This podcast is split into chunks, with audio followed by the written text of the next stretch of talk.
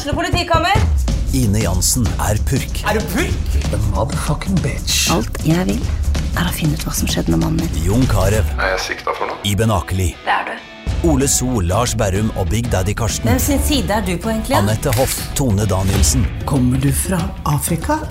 Jørnis Josef, Nesten. Kløfta. Trond Espen Seim, Det er synd å si det, men det var feil mann som døde. Purk. Premiere tirsdag på TV2 Play. Ungsamtalen fra DNB er økonomisk veiledning tilpasset deg som er ung. Bokk en ungsamtale på dnb.no. slash ung. Det er kjempebra hvis du skal inn på boligmarkedet, hvis det er drømmen din, liksom. Det er det du skulle sagt. Og så kunne du ropt litt mer, da, sånn som jeg gjorde. Bam! Åh,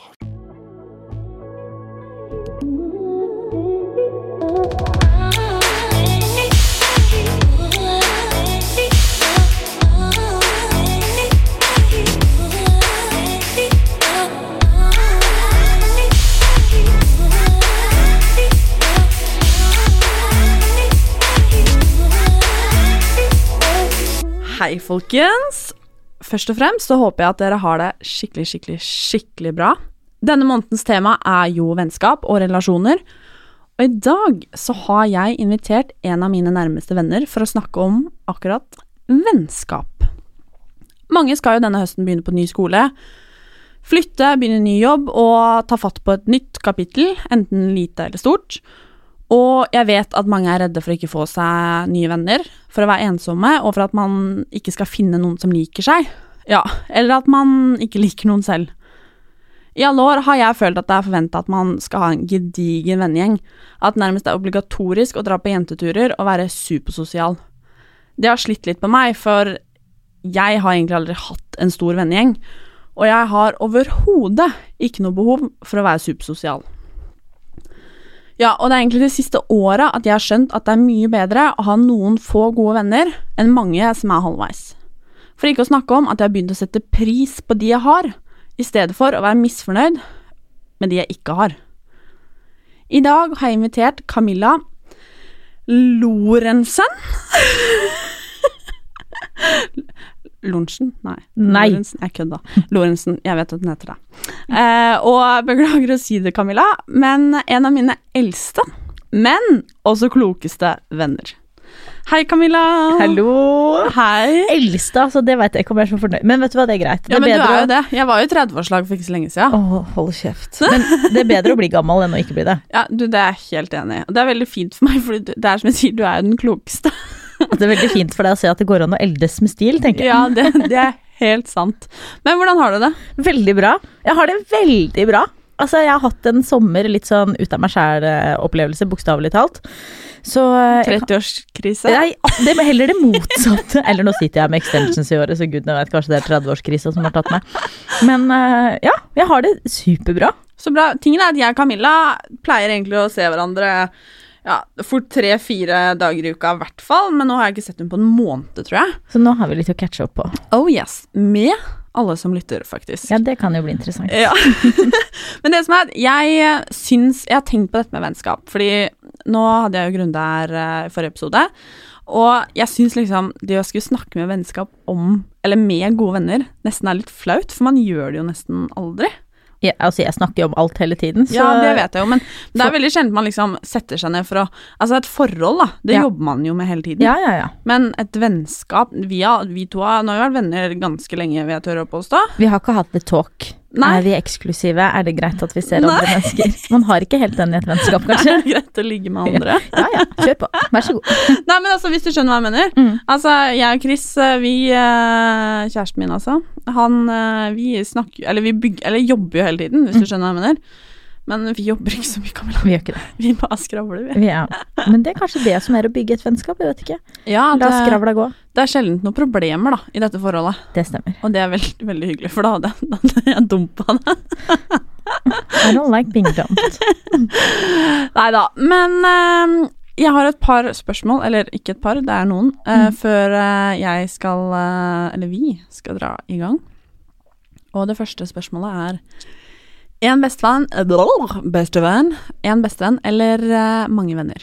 Det er jo det verdens enkleste spørsmål. En bestevenn. Eh, jeg syns det er Eller det jeg på en måte ser etter i et vennskap, er jo å ha noen å dele ting med. Noen som stiller opp, og noen som er der for meg. og som jeg kan være der for også, i hvert fall av og til. Eh, så definitivt en bestevenn foran mange perifere. Mm. Er du en god venn?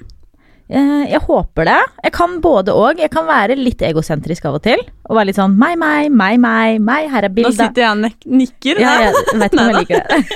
Eh, men jo, jeg kan ha et veldig stort fokus på meg selv, eh, men jeg er også veldig bevisst på det. Og forsøker derfor å også på en måte være der andre veien. Mm. Det er veldig lett for meg å prate om meg, noe som kan være en utfordring. Men jeg Mm. prøver også å inkludere den andre personen i samtalen. Vil du at jeg skal svare hva jeg syns? Eh, helst ikke. jo, svar i vei. Nei, men eh, Å, nå, nå har vi litt the talk. Mhm. Litt. Ja. Nei, eh, jeg blir helt flau, jeg. Nei, kjør på. Nei, men eh, jo, du er en god venn. Du er, Er veldig Ja, du er det. Du er, hvis ikke så hadde jeg ikke giddet å vært venn med deg. Det var hyggelig. Og det skal ganske mye til for å komme på innsida mi, Sa brura. faktisk. Mm. ja, Det var hyggelig å høre. Takk. Ja, nei, men det er helt sant. Men uh, det er helt sant det du sier òg. At uh, det er klart uh, Du er jo mye. Ja. Og høyt og lavt. Men jeg, da, som også kan være det, men også har en litt annen side, som er liksom Vil helst være i fred og bare sitte for meg sjæl, liksom. Syns egentlig at det er helt nydelig. Mm. For at når jeg er med deg, så slipper jeg å være meg. Hvis du skjønner Ja, hva ja, jeg jeg skjønner hva du mener, og jeg tenker også at kanskje min sterkeste egenskap sånn sett er jo at jeg er meg. Jeg later ikke som. Eh, Jeg går ikke inn i en rolle for å få noen til å like meg. Jeg er meg på godt og vondt, eh, og da tror jeg også jeg tiltrekker meg de menneskene som faktisk passer til meg, da. Mm. Så Det det tror jeg er er jo sant. positivt. Og så elsker jeg også å være aleine. Bare så Mm. det er sagt. Det er det beste jeg vet. I know. Vil du være med ut i kveld? Nei. Hvorfor ikke? Jeg skal sitte hjemme på sofaen alene. Ja, men der også er jo vi ganske like. Ja, faktisk. Selv om du er mye mer glad i en fest enn det jeg er. Mm. Så, jeg har ikke ja. prat om det engang. Men uh, siden jeg er på vennelista, så lurer jeg på hva ser du etter i en venn? Og det syns jeg er et så godt spørsmål, fordi jeg ser egentlig ikke etter en spesifikk ting. Det er ikke noe sånn du må være ærlig, du må være raus. Altså alle de tingene er positive. Men jeg ser egentlig bare etter Eller rettere sagt, jeg ser ikke etter noen ting. Og derfor slipper jeg bare inn de menneskene som faktisk tilfører noe positivt til livet mitt. For jeg har det veldig bra med de menneskene jeg har. Jeg trenger ikke flere mennesker inn i mitt liv. Um, men når det dukker en opp som jeg bare tenker You are my kind of person, så er det plass. Hvis det gir mening? Absolutt. Jeg- når jeg liksom hører deg snakke om det, så tenker jeg Jeg har aldri Eller jeg har jo tatt kontakt med folk for å på en måte treffe dem fordi jeg er kanskje nysgjerrig, liksom. Eller kanskje de kan bli en venn, men jeg har aldri vært på liksom Jeg har aldri vært på Tinder for å lete etter en venn, om du skjønner hva jeg mener? Ja, men jeg har nok vært det veldig mye. Fordi jeg har aldri, eller før jeg ble 23, så hadde jeg aldri en bestevenn, liksom. Så jeg var veldig på jakt Jeg sier 23, 25 er mer accurate. Veldig, veldig på jakt etter venn, og har brukt veldig mye energi på å finne de perfekte vennene. Det skal være sånn, det skal være sånn, det må være slik å være med de, de må være på sånne fester. Og hatt på en måte veldig sånn kriterier for hvordan jeg skal finne meg venner, da. Og det har aldri funka. Da har jeg på en måte prøvd å presse meg inn i en eller annen gjeng hvor det ikke er plass til meg i det hele tatt. Mm. Men da jeg på en måte la bort det og tenkte, vet du hva, det får gå som det går, så kom jo de vennene jeg faktisk trengte. Mm. For sånn har jeg vært uh, veldig, og jobber mye med nå også, at uh, jeg har vært Eller hatt mange vennskap, da, eller relasjoner, eller hva man skal kalle det, med mennesker som ikke har vært Altså mine type folk. Og sånn Jeg har alltid vært liksom i den kuleste gjengen, eller med- med de mest populære folka, eller noe sånt, men det har jo ikke nødvendigvis vært mine type mennesker, da. Men det har bare blitt en litt sånn redning, om du skjønner hva jeg mener. Jeg har bare menga meg litt for å overleve. Altså, hvis du skjønner, skjønner altså, Det er brutalt for å liksom. Og det har tatt ganske mange år for meg å skjønne at jeg ikke trenger å være med folk jeg ikke liker. Nei. Og det har jeg vel kanskje gjort fordi Litt som jeg sa, at jeg har trodd at man må ha en supergedigen venninnegjeng, liksom. Og det har jeg aldri hatt. Jeg har hatt. Gode venner, og jeg har hatt liksom Og det er jeg superheldig å ha nå, men jeg har liksom alltid søkt etter mer. Mm. Og liksom nesten Ja, jeg har aldri vært på jentetur. Jeg har vært på tur med én venninne en gang, og det var helt supert, liksom. Jeg var på min første jentetur nå, forrige helg. Og det er ikke tull engang. Ja, den fikk jeg, men da var jeg veldig sjalu. Ja, men det kan jeg faktisk skjønne. Altså, misforstå meg rett, det kan jeg faktisk skjønne, men det er jo Nå skal jeg nyse. Eh, Gi meg sånn cirka fire sekunder. Å, herregud. Litt vann Den forsvant. Um, Men det er egentlig litt interessant at du liksom hadde din første jentetur. Det var liksom Det så og var sikkert helt amazing. det var helt amazing. Og jeg satt hjemme og tenkte Fy søren, der skulle jeg vært. Ja. Jo, men det er jo jenter som Altså, jeg driver jo et firma, Fitnok, eh, hvor vi jobber med Jeg tisser ikke, jeg bare heller oppi vann. Ja, hvor vi jobber med livsstilsendring for jenter. eh, Og der har jeg vært veldig bevisst på å knytte til meg folk som jeg syns er bra. Og nå har vi da blitt fire jenter som jobber i det firmaet. Og vi går så godt overens og har liksom blitt, som jeg sa i helgen også tidlig, dere er min første vennegjeng. Som liksom hvor alle kjenner hverandre. For som regel, eller det jeg har hatt hittil, er jo én venn her og én venn der. Du så det 30-årslaget mitt. Det var ingen som kjente hverandre. Men det var veldig gøy. Veldig morsomt. Eh, men da var jeg da, jo, min første jentetur med en gjeng, og det var så hyggelig. Og jeg tror de fikk mer enn nok av meg på den helga. det kan jeg skjønne. De var sikkert veldig glade når jeg slapp deg i Asker. Men akkurat det, da. Jeg, jeg har noen til spørsmål, men akkurat det er jo litt interessant, fordi sånn som nå i sommer, så tror jeg Eller jeg tror ikke jeg vet, og jeg har hatt det ofte sånn. Jeg har følt på det noen ganger i sommer, men spesielt tidligere somre. Det der med at man ser på sosiale medier, ikke sant, at alle andre har det dritfett. Ikke sant. Folk er på konserter, de er med 20 venninner på jentetur i, hvor man er på jentetur Marbella, liksom, og ting ser liksom så sykt bra ut, og så har man liksom Hva er det det heter? FOMO? Ja. Fear of missing out. Jeg har yomo, jeg. Ja. Joy of missing out. For jeg vil helst være hjemme. Ja, men det er så rart. At, og det har egentlig jeg, men samtidig så er det en sånn derre shit, så livredd for å gå glipp av noe. Og nå er jo jeg nesten ti år yngre enn deg. Altså, jeg liker ikke den her eh, tendensen du har til å gnu ting inn. Og det kjenner jeg er en prat vi må ta. Men Men ja, det er jo noe man kan kjenne veldig på, det derre Herregud, jeg har det ikke sånn. Og så syns jeg kanskje at vi i sosiale, sosiale medier er veldig flinke til å liksom pakke det litt inn i sånn Ja, men husk at du ikke ser alt.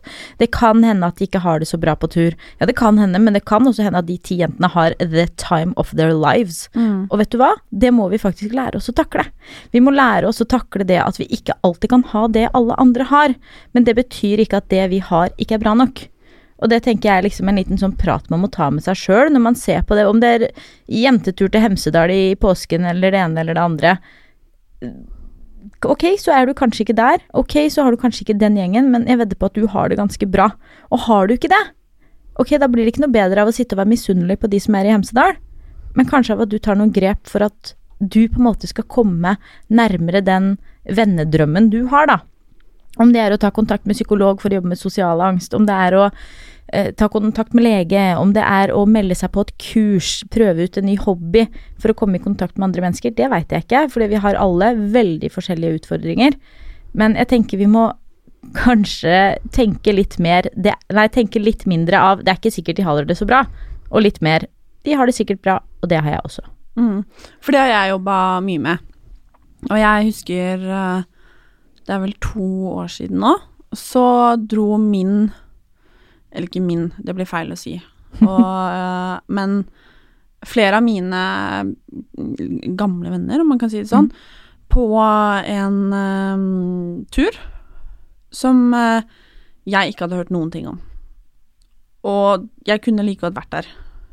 Og jeg husker at når jeg på en måte oppdaga det, selvfølgelig på sosiale medier, så blei jeg så lei meg.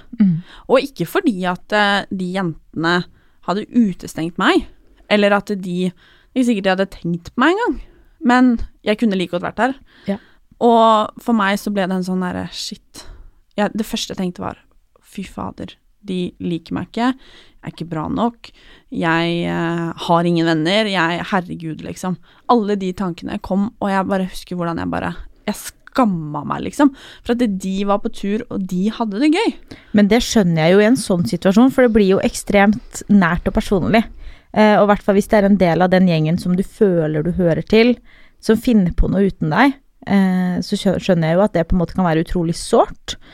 Og så tenker jeg, altså det er jo litt som du sier også, det er ikke sikkert at jeg egentlig mente noe med det, men hva kunne skjedd gærent hvis du hadde spurt? Du, jeg ser dere var på tur i helga, er det en grunn til at jeg ikke var invitert Eh, jeg følte faktisk ikke at det var noe ålreit, jeg. Eh, og det kan hende at jeg misforstår den situasjonen her totalt. Herregud, jeg mener ikke at dere ikke skal få reise på, på tur uten meg, fordi vær så god. Det er bare Jeg får en skikkelig vond følelse nå. Er det noe vi kan prate om? For det som du sa litt sånn tidlig i episoden, det er jo noe man gjør med en kjæreste. Du, det du sa i går, jeg syns ikke det var noe ålreit, er det noe vi kan prate om? Kanskje man burde ta det litt mer inn i vennskapsforhold også, nettopp for å kunne jobbe med relasjonen, fordi det er jo en, en relasjon som utvikler seg over tid, det også. Mm. Men tror du folk burde bli flinkere til å si ifra? Eller flinkere til å snakke sammen. Altså, hva skal du si ifra om? Du kan jo ikke bestemme hvordan andre skal handle, eller eh, på en måte si at neste gang må du invitere meg. Kanskje ville de ikke ha deg med, altså nå høres det veldig harsh ut, da, men du skjønner hva jeg mener. Kanskje passa det ikke i den situasjonen, men jeg tror veldig mange hadde hatt godt av å snakke bedre sammen. Mm. og kanskje også søke ut i relasjonene hvor det faktisk er mulig å ta den praten. Jeg hadde min bestevenninne reist Eller de tre, tre jeg jobber med, da, hadde de reist på tur sammen uten meg, så hadde jeg syntes det var helt eh, superrart. Og da ville jeg sagt hallo, hva skjer her, hvorfor er ikke jeg invitert, uh, har jeg gjort noe gærent, eller uh, hva er greia? Og så hadde måte Hadde vi ordna opp i det med en gang, istedenfor å latt det ligge der som en sånn verkebyll som bare vokser seg stor til den eksploderer, og det er verk overalt.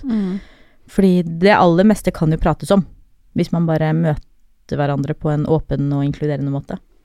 Det tror jeg også. Og jeg husker etter den, etter den situasjonen uh, Ingen av de var mine beste venninner eller noe sånt. Det var bare Jeg fikk en sånn der Åh, jeg skulle gjerne vært der. Det var kanskje den følelsen jeg satt med, og jeg tror veldig mange ofte har følt, eller kan føle på den. Altså enten ofte eller en gang i løpet av livet, liksom. Den der at åh, søren, der skulle jeg vært, eller hvorfor er ikke jeg med, eller jeg skulle ønske at jeg hadde det, hadde det sånn, da. Og jeg husker etter den gangen, så bestemte jeg meg for at jeg liksom skulle heller se hvor bra jeg egentlig hadde det. Fordi da brukte jeg i hvert fall en hel dag på å ha det vondt inni meg, og på å være sur, og på å være kjip. Og så satt jeg hjemme hos familien min, det var superfint vær, vi grilla, vi spilte fotball i hagen, kjæresten min var der. Alt var egentlig helt superfantastisk. Og jeg hadde det helt altså som plommen i egget, sikkert sånn mange ville drømt om å ha det. Allikevel så var liksom ikke det nok, for jeg følte at det, jeg kunne hatt det bedre. Og det tror jeg er en veldig vanlig følelse. En veldig sånn Altså, man kan jo sammenligne seg med mye, men også liksom når det kommer til vennskap og relasjoner, og det å skulle ha det kulest, da, kanskje.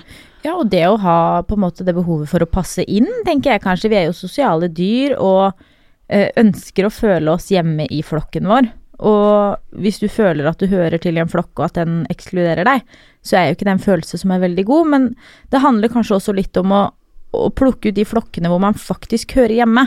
For det er litt som du sier det, det høres ut som at det her var en, en venninnegjeng hvor det, dere var ikke dere, dere, liksom. Det var ikke på en måte det er dere, det er firkløveret, det er dere som alltid henger sammen. Men mer enn kanskje en litt sånn gjeng hvor man ja, vi er en del sammen, og som regel møtes vi alle sammen, men av og til ikke. Og kanskje også velge seg ut litt sine flokker, og ikke prøve å, å være med i alle. Fordi da tror jeg man blir veldig skuffa, fordi det funker veldig sjeldent. Tror du det er mange som uh, henger med folk fordi de er redd for ikke å ha noen andre? Ja. Men det, er altså, jeg tror det er mange som er kjærester fordi de er redd for at de skal være alene. Jeg tror det er mange som har kontakt med familien sin fordi de ikke tror at de kan finne bedre folk et annet sted. Jeg tror det er mange som blir i jobben sin fordi de ikke tror at de kan få noe annet. Som eh, håper å si vesener, så er jo mennesket veldig, veldig redd for endring. Eh, alle endringsprosesser er på en måte forbundet med en viss type angst. Om dere går ut av forhold, bytter jobb, slår opp med en venn. Så eh, overskrider ofte den angsten, den tanken 'herregud, det er ikke sikkert jeg får noen andre', det er ikke sikkert jeg får en bedre venn. Eh, det å faktisk kunne få en bedre venn, så vi velger å bli i relasjonen. Og det tror jeg det er veldig, veldig mange som kjenner på. Det har jeg gjort selv også. Um, så kan man jo si at det bare er å slå opp, men det er jo ofte litt vanskelig. Så kanskje en, kanskje en idé kan være å, å gå litt gjennom de vennskapsforholdene man har, og som man bruker veldig mye tid på, se om det gir noe positivt tilbake til deg, eller om det tømmer deg for energi. Fordi det å ha mange vennskapsforhold som er litt giftige, som gjør at du drar hjem og er veldig sliten, som gjør at du egentlig har lyst til å avlyse veldig ofte, det tenker jeg tapper veldig, veldig mye ut av energikontoen din, og kan på sikt føre til at du blir et mindre happy menneske. For det er jo noe med det at gode relasjoner, altså hvis vi skal snakke litt psykologi her, da, er jo det som ligger Hun har studert det, du. Fryktelig slitsomt. Studert og liker å jobbe med sånne ting. Nei, men jeg snakka med, med hun som jeg jobber med i Fitnok, som er psykolog, eh, forrige uke. Og da sa hun nå viser det seg igjen, hun er fra Nord-Norge, gode relasjoner er det som er nøkkelen til lykke. Altså, vi kan snakke om penger, vi kan snakke om bostandard, vi kan snakke om sosioøkonomisk status, vi kan snakke om uh, hvor mange Louis Vuitton-vesker du har, alfa så videre. Men det som er viktig for å ha det bra, er å ha gode relasjoner rundt seg. Og det er klart at hvis de relasjonene du har, er giftige, så har du det ikke bra. Og hvis du har lyst til å ha det bra, så er det kanskje et fint sted å begynne å prøve å bryte litt ut av det. Kanskje ved å begynne å oppsøke med andre mennesker. Sånn at det blir litt lettere å si adjø, fordi du har noe nytt å gå til. Du sa, nevnte det med å slå opp. Mm. Har du noen gang slått opp med en venn? Ja, Det har jeg. Vil du fortelle litt? Ja, det var ikke så veldig hyggelig. Altså, for det første så har jeg blitt slått opp med. Det skjedde først. Eh, Jeg hadde en veldig god venninne da jeg jobba som PT det første året. Vi var, ja, vi var veldig gode venner. Var sammen typ hver eneste dag. Eh, Og så bytta jeg jobb. Hun bytta jobb, så vi var liksom ikke på samme arbeidssted lenger. Så vi gled liksom litt fra hverandre, og så hadde vi ikke snakka med hverandre på kjempelenge. Og jeg bare sendte en melding og si 'hallo, du, nå er det dritlenge siden sist, skulle vi tatt en kaffe snart'? Og da skrev hun tilbake 'Hei, Camilla. Vet du hva, det tror jeg ikke'. Fordi jeg kjenner at vi egentlig passer best som bekjente. Hvis jeg møter deg på gata, så vil jeg gjerne si hei, men jeg tror ikke at vi har noe godt av å prøve å opprettholde den relasjonen her.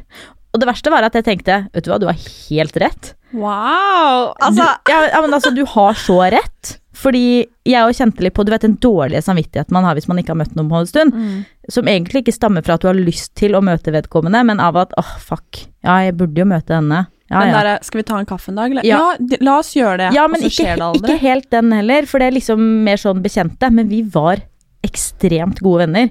Typ Mm. bodde hos hverandre da jeg pussa opp badevenner. Um, men likevel så var vi nok ikke helt på samme sted og hadde ikke helt det samme på en måte grunnlaget for et vennskap. Så da hun skrev det til meg, så ble det sånn, vet du hva, du har helt rett. Eh, Jeg veit ikke hvorfor jeg prøver å force det vennskapet her i det hele tatt, fordi det trenger vi ikke. Lykke til, snakkes sikkert. Og så har vi snakka sammen et par ganger etter det, det her er liksom fem år siden, men ikke noe mer enn det. Eh, og det samme, eller motsatt, da, skjedde her da vi skulle flytte til Asker, faktisk. Um, for da hadde jeg en tidligere, også veldig, veldig god venninne, fantastisk dame, uh, som jeg var veldig god med da jeg studerte på universitetet. Uh, hun ja, det hadde skjedd litt sånn opp igjennom som jeg ikke trenger å gå inn på, men hun spurte i hvert fall om jeg og Andreas ville komme på middag til henne og samboeren. Og jeg bare ja, men det hadde vært hyggelig. Og så nærma den dagen seg. Jeg bare kjente, vet du hva.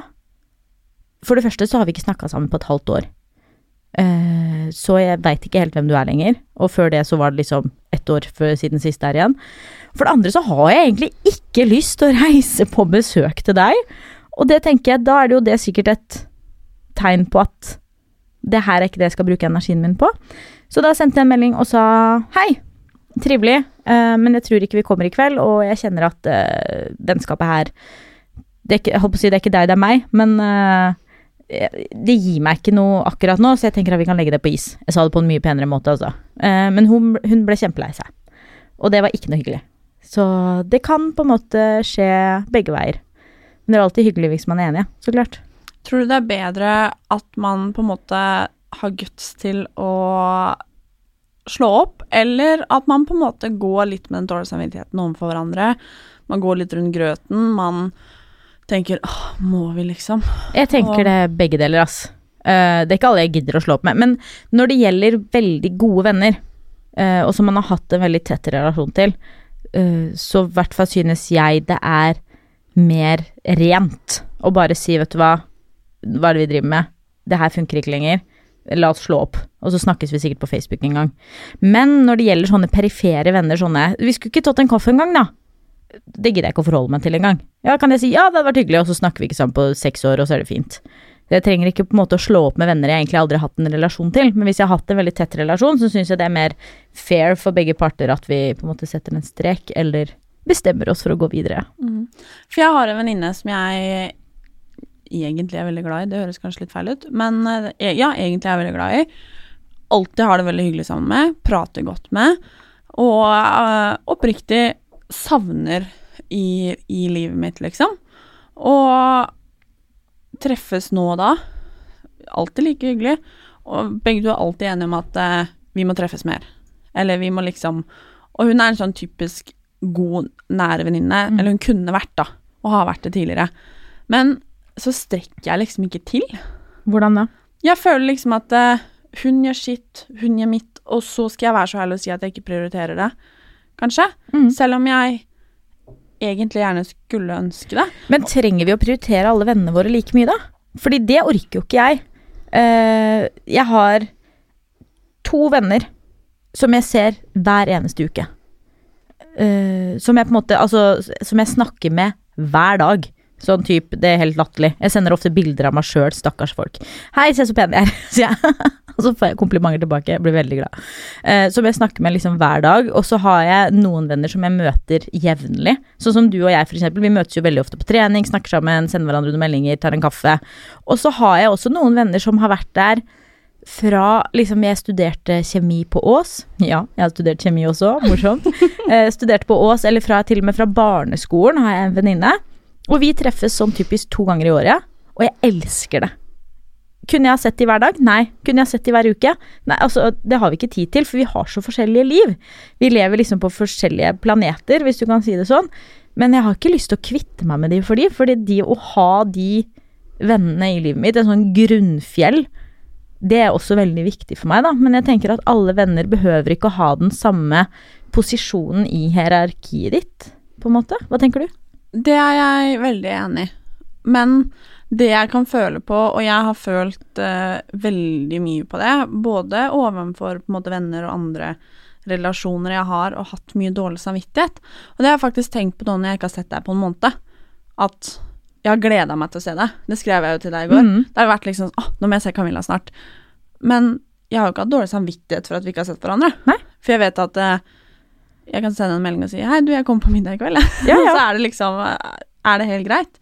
Men jeg har hatt, og har tidvis, fryktelig dårlig samvittighet ovenfor spesielt noen i mitt liv som jeg føler at jeg på en måte ikke strekker helt til med. Men er det fordi du ikke Altså, nå skal jeg stille et spørsmål som sikkert høres litt harsh ut, men er det fordi du føler at du ikke strekker til, eller fordi du føler at du er så viktig i livet deres at du må være der? Oi, det var et godt spørsmål. Um, For du skjønner hva jeg mener? Mm. Noen kan man nesten føle at, vet du hva, jeg er limet i li Altså, nå høres jeg ut som verdens verste person, jeg er limet i livet ditt. Jeg er den som gjør at du har det bra. Og hvis du tar på deg den rollen i et vennskap, det går jo ikke an. For du kan ikke stå for en annen persons lykke. Og hvis du legger det på dine skuldrer, så blir det jo en veldig eh, skjevfordelt relasjon. At du på en måte skal være med å bygge den andre opp. Altså det, det kan man jo gjøre i et vennskap, det er ikke det. Men dersom du føler at hennes eller hans liv står og faller på deg, det, altså det går jo ikke. Skjønner du hva jeg mener? jeg skjønner absolutt hva du mener, og sånn har det kanskje vært litt mer før. At jeg har følt nei, men hun har ingen andre, så jeg må stille opp. Eh, men nå er det mer den der dårlige samvittigheten at jeg, at jeg rett og slett føler at jeg ikke strekker til, og at jeg ikke Kanskje litt fælt å si det, men ikke alltid har lyst. Det er ikke det jeg prioriterer når jeg har en fridag, da. Uh, og det, den dårlige samvittigheten har jeg skjønt at veldig mange andre også har. Det der at man føler at man burde spist middag med den venninna, så har man egentlig ikke lyst, og så er, er, går det egentlig en sånn ond sirkel, og i stedet for at det skal gi energi, som jeg er veldig opptatt av at vennskap skal gjøre Hver gang jeg har vært med deg, så er jeg full av energi, og det er sånn det skal være. Man skal liksom ikke Og selv om du hadde vært lei deg, eller vi hadde snakka noe kjipt, så hadde jeg ikke vært liksom nedstemt og hatt det jævlig fordi jeg hadde vært med deg. Men Så jeg er veldig opptatt av at vennskap skal gi energi, men i de relasjonene så blir det litt sånn åh, fordi jeg må, fordi de maser, fordi de sender melding to ganger i måneden og sier å, vi må få til en middag snart. Mm. Ja, vi må få til en middag snart, og så bare får jeg det ikke til. Nei. Og jeg skjønner at selvfølgelig får jeg det til, for vi har egentlig tid til det vi har lyst til, liksom. Alt handler om prioriteringer. Men så vil jeg Det er, det er kanskje ikke viktig for meg, da. Nei, for det, det tenker jeg er en litt sånn viktig eh, runde å ta med seg sjøl. Fordi noen venner er jo kanskje bare der som et sånt etterslep. De bare henger igjen. Uten at man kanskje egentlig har lyst til å ha de der. Um, fordi som du sier, man får de tid til det man prioriterer. Men hvis du ikke prioriterer de, så kanskje det er en grunn til det. Og da må man kanskje ta en liten runde med seg sjøl. Litt sånn ok, shit, nå har jeg faktisk avlyst med Mari fire ganger på rad. Hvorfor det? Jo, vet du hva, det er fordi A, B, C, D. Ok, kanskje er det noe jeg skal ta tak i, er det noe jeg må snakke med Mari om? Løsningen på ethvert vennskapsproblem er jo ikke å slå opp, men å ta en samtale. Um, og kanskje prøve å finne ut litt av det. Uh, og også forankre de valgene man tar i på en måte et verdisett hos seg sjøl. For hvis du sier nei til å ta en middag med Mari fordi det er viktig for deg å ha egen tid, så er det noe som på en måte gjerne ikke tukler med samvittigheten. Men hvis du har en sånn ja, nei, jeg har egentlig lyst til å slappe litt av, da, da, da, at du ikke egentlig har noen grunn til å si nei, da får man jo veldig fort dårlig samvittighet. Så kanskje prøve å finne, finne på en måte hvilke verdier hos deg som gjør at du sier ja eller nei til en avtale, og også ta en liten prat med deg sjøl om hvorfor du, hvorfor du har lyst til å avlyse eller ikke har lyst til å møte, og kanskje ta det opp med vedkommende. Mm. Ja, jeg tror det er et godt poeng. Det er, men det er ganske vanskelig. Kjempevanskelig. Fordi det er liksom Man vil jo liksom strekke til. Mm. Og da lurer jeg på Har Eller hva forventer du av en venn? Åh, så lite! Altså, nå tuller jeg ikke engang. Nå hørtes jeg veldig fæl ut, men egentlig veldig lite. Ehm, at vedkommende er kanskje real og ærlig med meg, men ikke altfor mye. Ikke så ærlig at jeg blir lei med meg, det orker jeg ikke. Men uh, Nei. Jeg vet ikke om jeg forventer noen ting, jeg. Men forventer du at eh, liksom dine gode venner skal ringe en gang i uka, stille opp, at det liksom skal være noe sånn? For det kan jeg Kanskje ikke med meg, men jeg kan merke det veldig på Christian, kjæresten min. Og for han spiller hockey, og er åtte måneder i året, så er det hockey som er det eneste som betyr noe. Litt meg innimellom, liksom. Og da kan det av og til være sånn at han har kompiser som blir deppa fordi at han ikke strekker til som kompis. Og jeg har jo lært meg å leve med det at, vet du hva, det er sånn det er. Han er en veldig god kompis de to månedene han har ferie, liksom, eh, om sommeren. Men resten av året så, ja, vet du hva, det er han en Eller, han er ikke en dårlig kompis, han bare har ikke mulighet til å være, være en så god kompis man kanskje forventer, da. Jeg tror nok at alle de vennskapene jeg har, er basert på at vi kjenner hverandre veldig godt. Eh, så jeg tror ikke jeg har noen forventning til mine venner fordi jeg kjenner de så godt at jeg veit akkurat hva det er. Ikke sant? Altså hvis uh, Tonje, da, min beste venninne, i januar og februar, hun jobber med regnskap. Jeg forventer ikke å høre en dritt fra henne. Fordi de har årsrapportering og innlevering og hele pakka. Da sender jeg en melding liksom torsdag kveld og spør hvor mange timer har du jobba denne uka. Så svarer hun 122, og så sier jeg skal du ha middag? Så sier jeg ja, det hadde vært fint klokka ti kveld. Så sier jeg ja, jeg kommer med en burrito. Og så blir hun glad, ikke sant. Og så har vi Julie som studerer og leser til eksamen 14 timer i døgnet. Og da liksom Jeg vet veldig godt hvorfor ting er som det er i mine vennskapsforhold, da. Og har ikke noe sånn Nei, men vi må snakkes en gang i uka, eller vi må sende meldinger, eller det ene eller det andre. For vi har alle våre liv. Men ja, det er kanskje det jeg forventer, da. At vi er såpass reale med hverandre at vi forstår hvorfor vi gjør som vi gjør. Mm, Og så klart- forståelse er viktig. Ja, og så klart, altså Hvis de hadde slutta å prate til meg eller ikke ville komme på middag lenger, så hadde jeg jo blitt veldig skuffa og lei meg. Eh, Men det er veldig individuelt på en måte i hvert vennskapsforhold hva jeg forventer, fordi de er så utrolig forskjellige.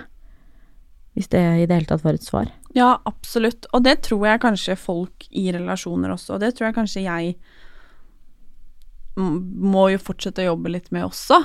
Um, at man ikke kan forvente for mye.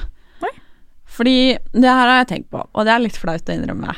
Jeg skammer meg litt, og spesielt når jeg sitter og snakker med en venn, for du må ikke føle deg liksom Oh my god, I'm so judgmental. I am gonna judge you so hard right now. Nei, men um, for eksempel, og det har jeg tenkt på, fordi Altså, dette her er så teit at jeg Kjør på! Åh. Jeg orker ikke sånn unnaslentring, det forventer jeg en venn. Ikke noe sånne unnskyldninger, det orker jeg ikke. Det blir så Jeg blir klein. Martina. Når jeg eh, gikk på eh, ungdomsskolen og videregående, så eh, var jeg typisk og fikk en haug av kommentarer, og liksom alle vennene mine, eller bekjente, klasse, altså alle som gikk i klassen min og sånn, liksom engasjerte seg. Hvis man delte noe på Facebook eller Instagram, så var det liksom 'Å, snuppa mi', ditt, ditt, ikke sant, du vet. Mm. Når jeg begynte med sosiale medier på fullt, i Når var det? Andre klasse på videregående, tror jeg det var. Altså, Ja. det var i 2006 for min del, så jeg Ja. vet ikke om vi skal prate. Det er noen der tre, tre, tre og et halvt år siden eller noe sånt for min del. Ja. Um, så skjedde det plutselig noe. Mm. For uh, plutselig så hadde jeg mange tusen følgere. Plutselig så begynte mine venner å slutte mm. å engasjere seg. Slutte å kommentere, de slutta å like, de Eller altså ikke mine beste venner, men de bekjente, altså sånn de som hadde gjort det før, da. Og for meg så følte jeg nesten at de var litt sånn hvis jeg spurte eller prøvde liksom He-he, har du sett det siste bildet mitt på Insta? Sånn Nei, det har jeg ikke fått med meg, liksom. At folk blei litt sånn. Mhm. Og det kan jeg føle fortsatt. At selv om man får 100 superfine kommentarer på Instagram, så er det jo fra de nærmeste det på en måte betyr Mm. Eller i hvert fall for, meg, for min del, da. Så er det jo det som betyr mest. Og jeg har lurt på hva du som venn liksom, Har du noen gang tenkt på det, eller hva syns du at jeg er helt på jordet som reagerer på det? Absolutt ikke, og det må jeg bare si med en gang. Det er én ting jeg forventer av mine venner, og det er at de støtter meg 100 Det er at de støtter meg i det jeg gjør. Eh, så klart får de lov å si fra hvis det er noe de mener jeg gjør gærent. Det er på en måte en del av den støttepakka.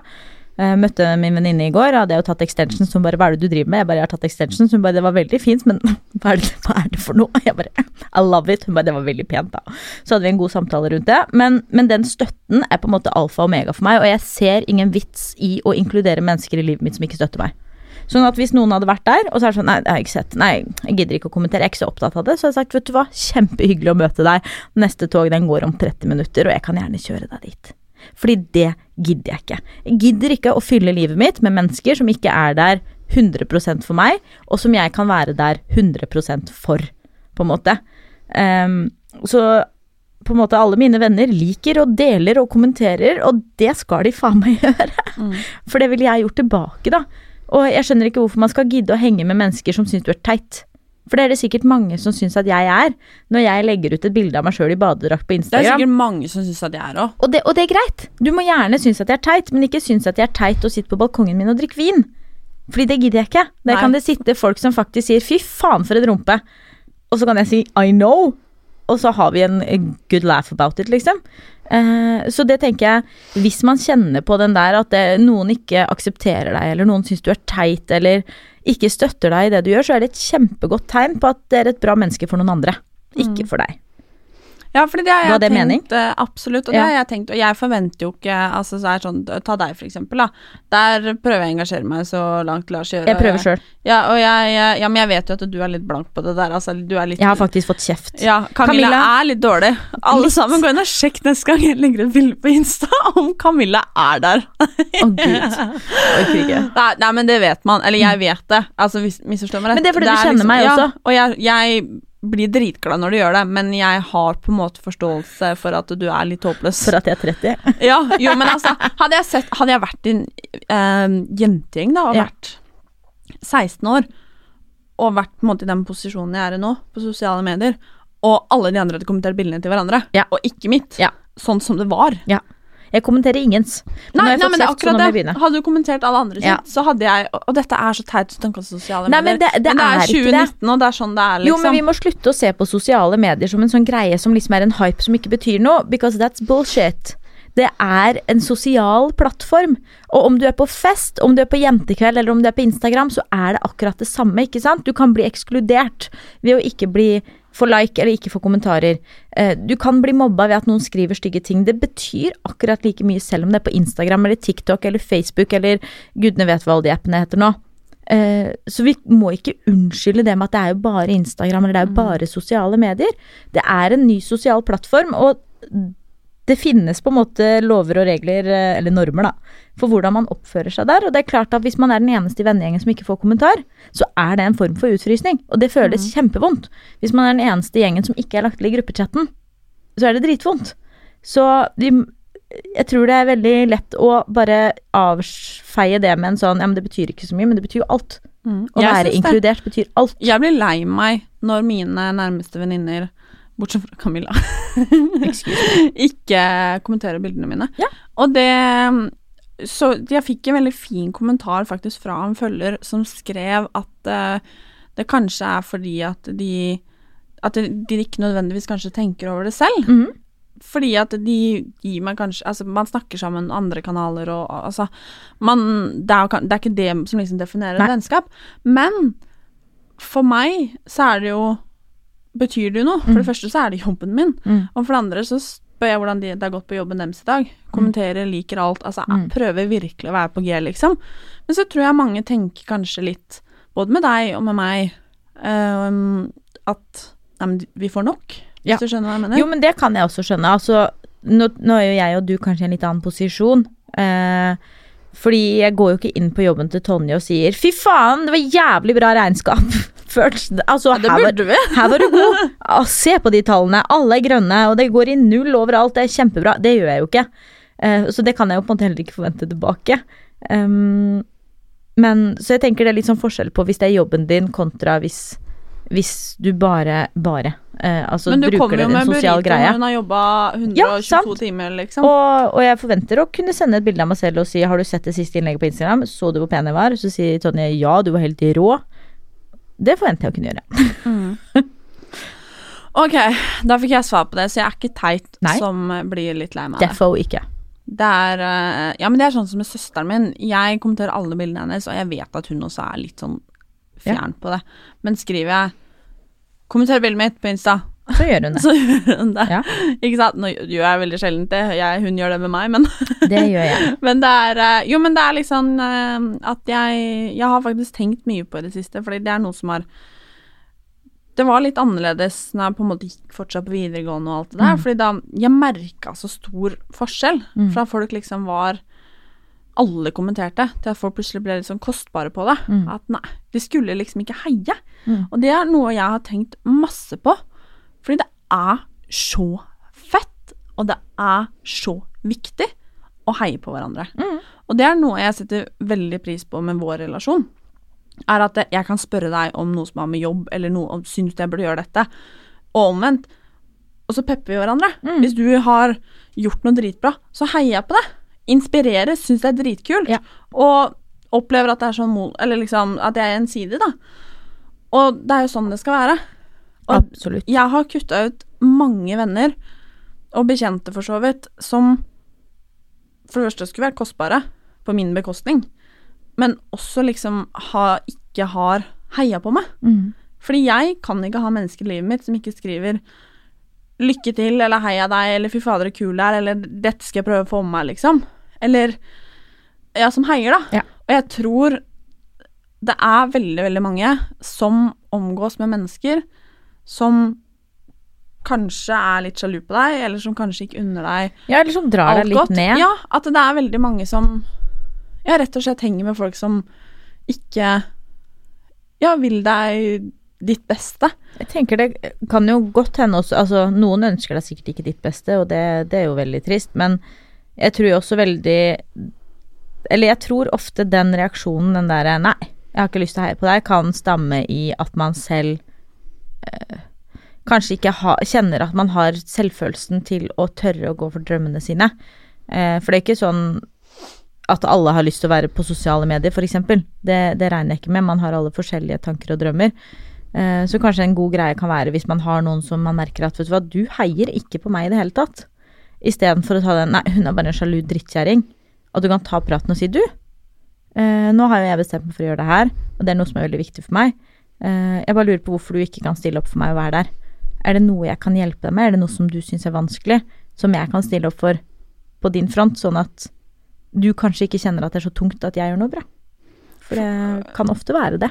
Det er jeg helt enig i, og jeg husker det var en jente som um, jeg var venninne med før, men som jeg, altså vi da gikk vi på skole sammen og sånn, som var med på Idol.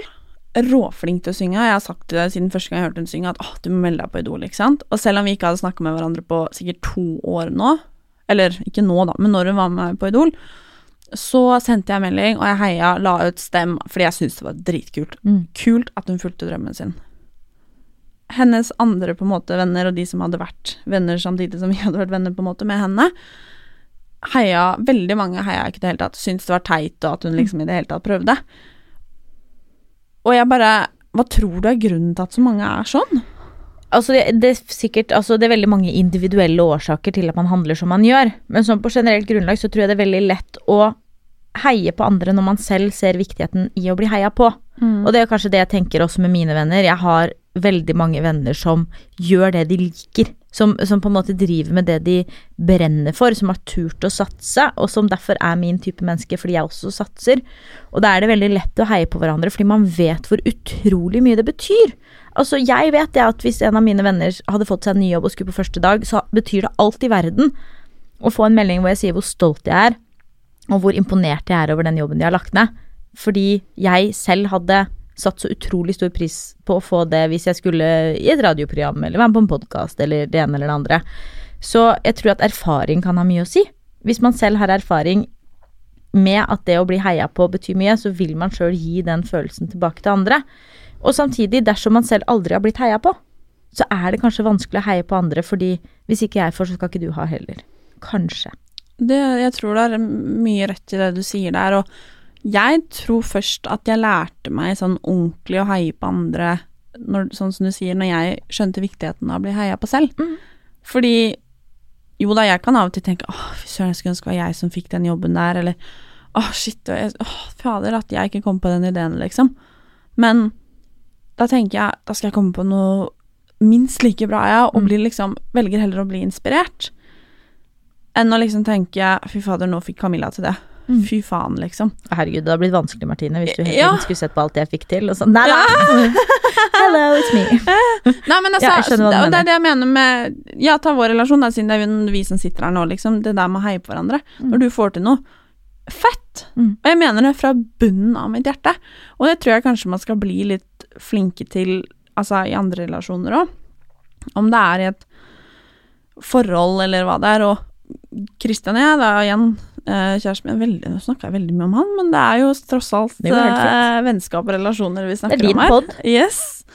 Og uh, For vi har jo hatt våre greier som alle andre, liksom. Og det var først når vi bestemte oss for at vi skulle være et team, at vi skulle spille på lag. Mm. Framfor å diskutere Nei, i går lagde jeg middag, så i dag er det din Mm. tur. Eller nei, jeg er mye mer sliten enn deg. Eller øh, nei, men nå har jeg gjort det, så nå, nå får du gjøre det, liksom. Eller nei, altså hele tiden Ja. skulle konkurrere i hvem som egentlig hadde det verst, eller hvem som hadde gjort mest. Den dagen vi bestemte oss for at vet du hva, vi skal spille hverandre gode. Mm. Har du hatt en skikkelig kjip dag? Selvfølgelig gjør jeg det. Lagde jeg middag i går, men du rekker ikke i dag? Selvfølgelig lager jeg middag i dag òg. Det å spille hverandre gode, at man spiller på lag, og det tror jeg er så sykt viktig i enhver relasjon, da. Ja, jeg tror jo det er grunnen til at jeg og Andreas har det som plommen i egget også. At vi alltid har den innstillingen. Ok, hvem er mest sliten? Du slapper av, jeg gjør det. I dag tidlig så sto han opp lenge før meg, hang opp klær, lagde frokost, serverte meg på senga, for han vet at jeg hater morgener. It's not my favorite part of the day. Men han blir jo ikke bitter av den grunn, for han vet også at når kvelden kommer, så er han sliten og har vondt i føttene og gudene vet hva han kommer med, og derfor så lager jeg middag og serverer han i sofaen. Altså, ikke sant? Spille hverandre gode. Heie på hverandre, hause hverandre opp, redigere hverandres IGTV-videoer som faen fordi du vil at han skal lykkes. Helt enig. Ja. Og apropos det, jeg har to spørsmål til. Kjør på. Kanskje Au. tre. Det kommer litt an på. Ja. Ehm, hvis man alltid For dette tror jeg veldig mange føler på. Hvis man alltid er den som gir i et vennskap. Alltid den som fikser på bursdager, alltid gjør litt ekstra. Alltid stikker innom jobben med en bollepose eller en pakke druer, liksom. Alltid liksom er den som verter opp, og aldri får noe tilbake.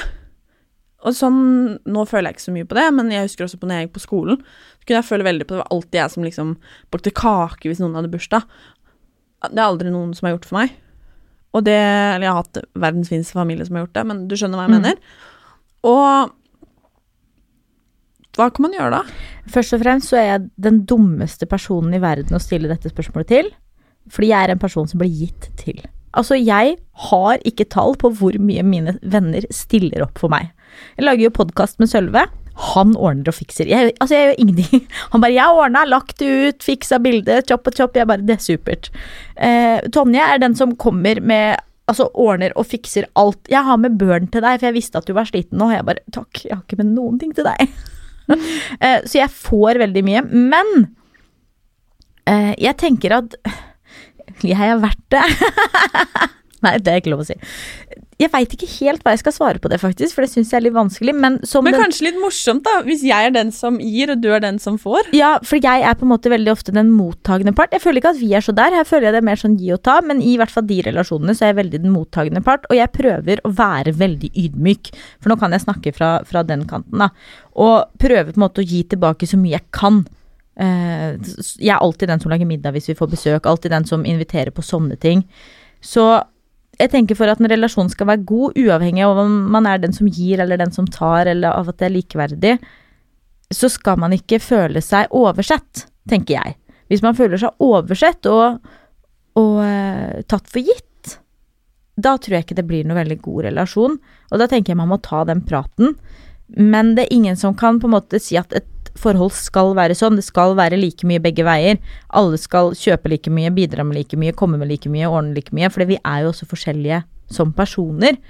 Men det jeg tror det er viktig i et vennskapsforhold, eller et kjærlighetsforhold for den saks skyld, at man, man føler seg verdsatt og ikke tatt for gitt. Ja. Og ta praten hvis man ikke kjenner det. Hva er ditt tips i dag til å være en god venn? Å være Hva kan man gjøre i dag for å være en god venn? I dag for å være en god venn, så kan du åpne øynene dine litt. Det er det jeg tenker det handler veldig mye om. Å se den andre personen. Um, og se hvilke behov vedkommende har, og være der og stille opp.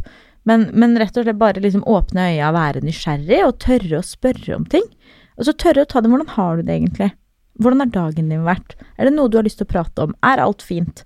Det er ikke så veldig mye som skal til, uh, men det er veldig mye godt som kan komme ut av små, åpne, ærlige, nysgjerrige spørsmål. Mm. Bra tips, Camilla. Herregud, nå var jeg god. Altså, jeg føler meg som et orakel. Ja, du, du var litt orakel. Nå er jeg Vanligvis er det liksom gjestene som åpner opp hjertet Ja, sitt. nå Og i dag har liksom jeg kommet med noe sånt. Men det var, var litt det som var meningen òg, da. Å ta liksom med folk litt inn i en venninneprat. For det er sånn Nei, jeg og Camilla prater når vi går på tredemølla, liksom. Jeg stiller sånn 'Camilla, hva skal jeg gjøre nå?' Og så kommer oraklet frem og bare 'Du, gjør dette. Sånn har jeg hatt det.' Ja, mm. Ikke sant? Klok og gammel. Nei. klo, gammel, klok av skade. Tusen millioner takk for at du kom, Camilla. Tusen takk for at jeg fikk lov til å komme. Det var veldig hyggelig. Camilla er en potet, så hun kommer dere garantert til å høre igjen her, for hun har så mye bra å komme med. Og takk for at dere hørte på. Det er alltid superduper hyggelig. Vi snakkes neste uke. Woo! Ha det. Ha det.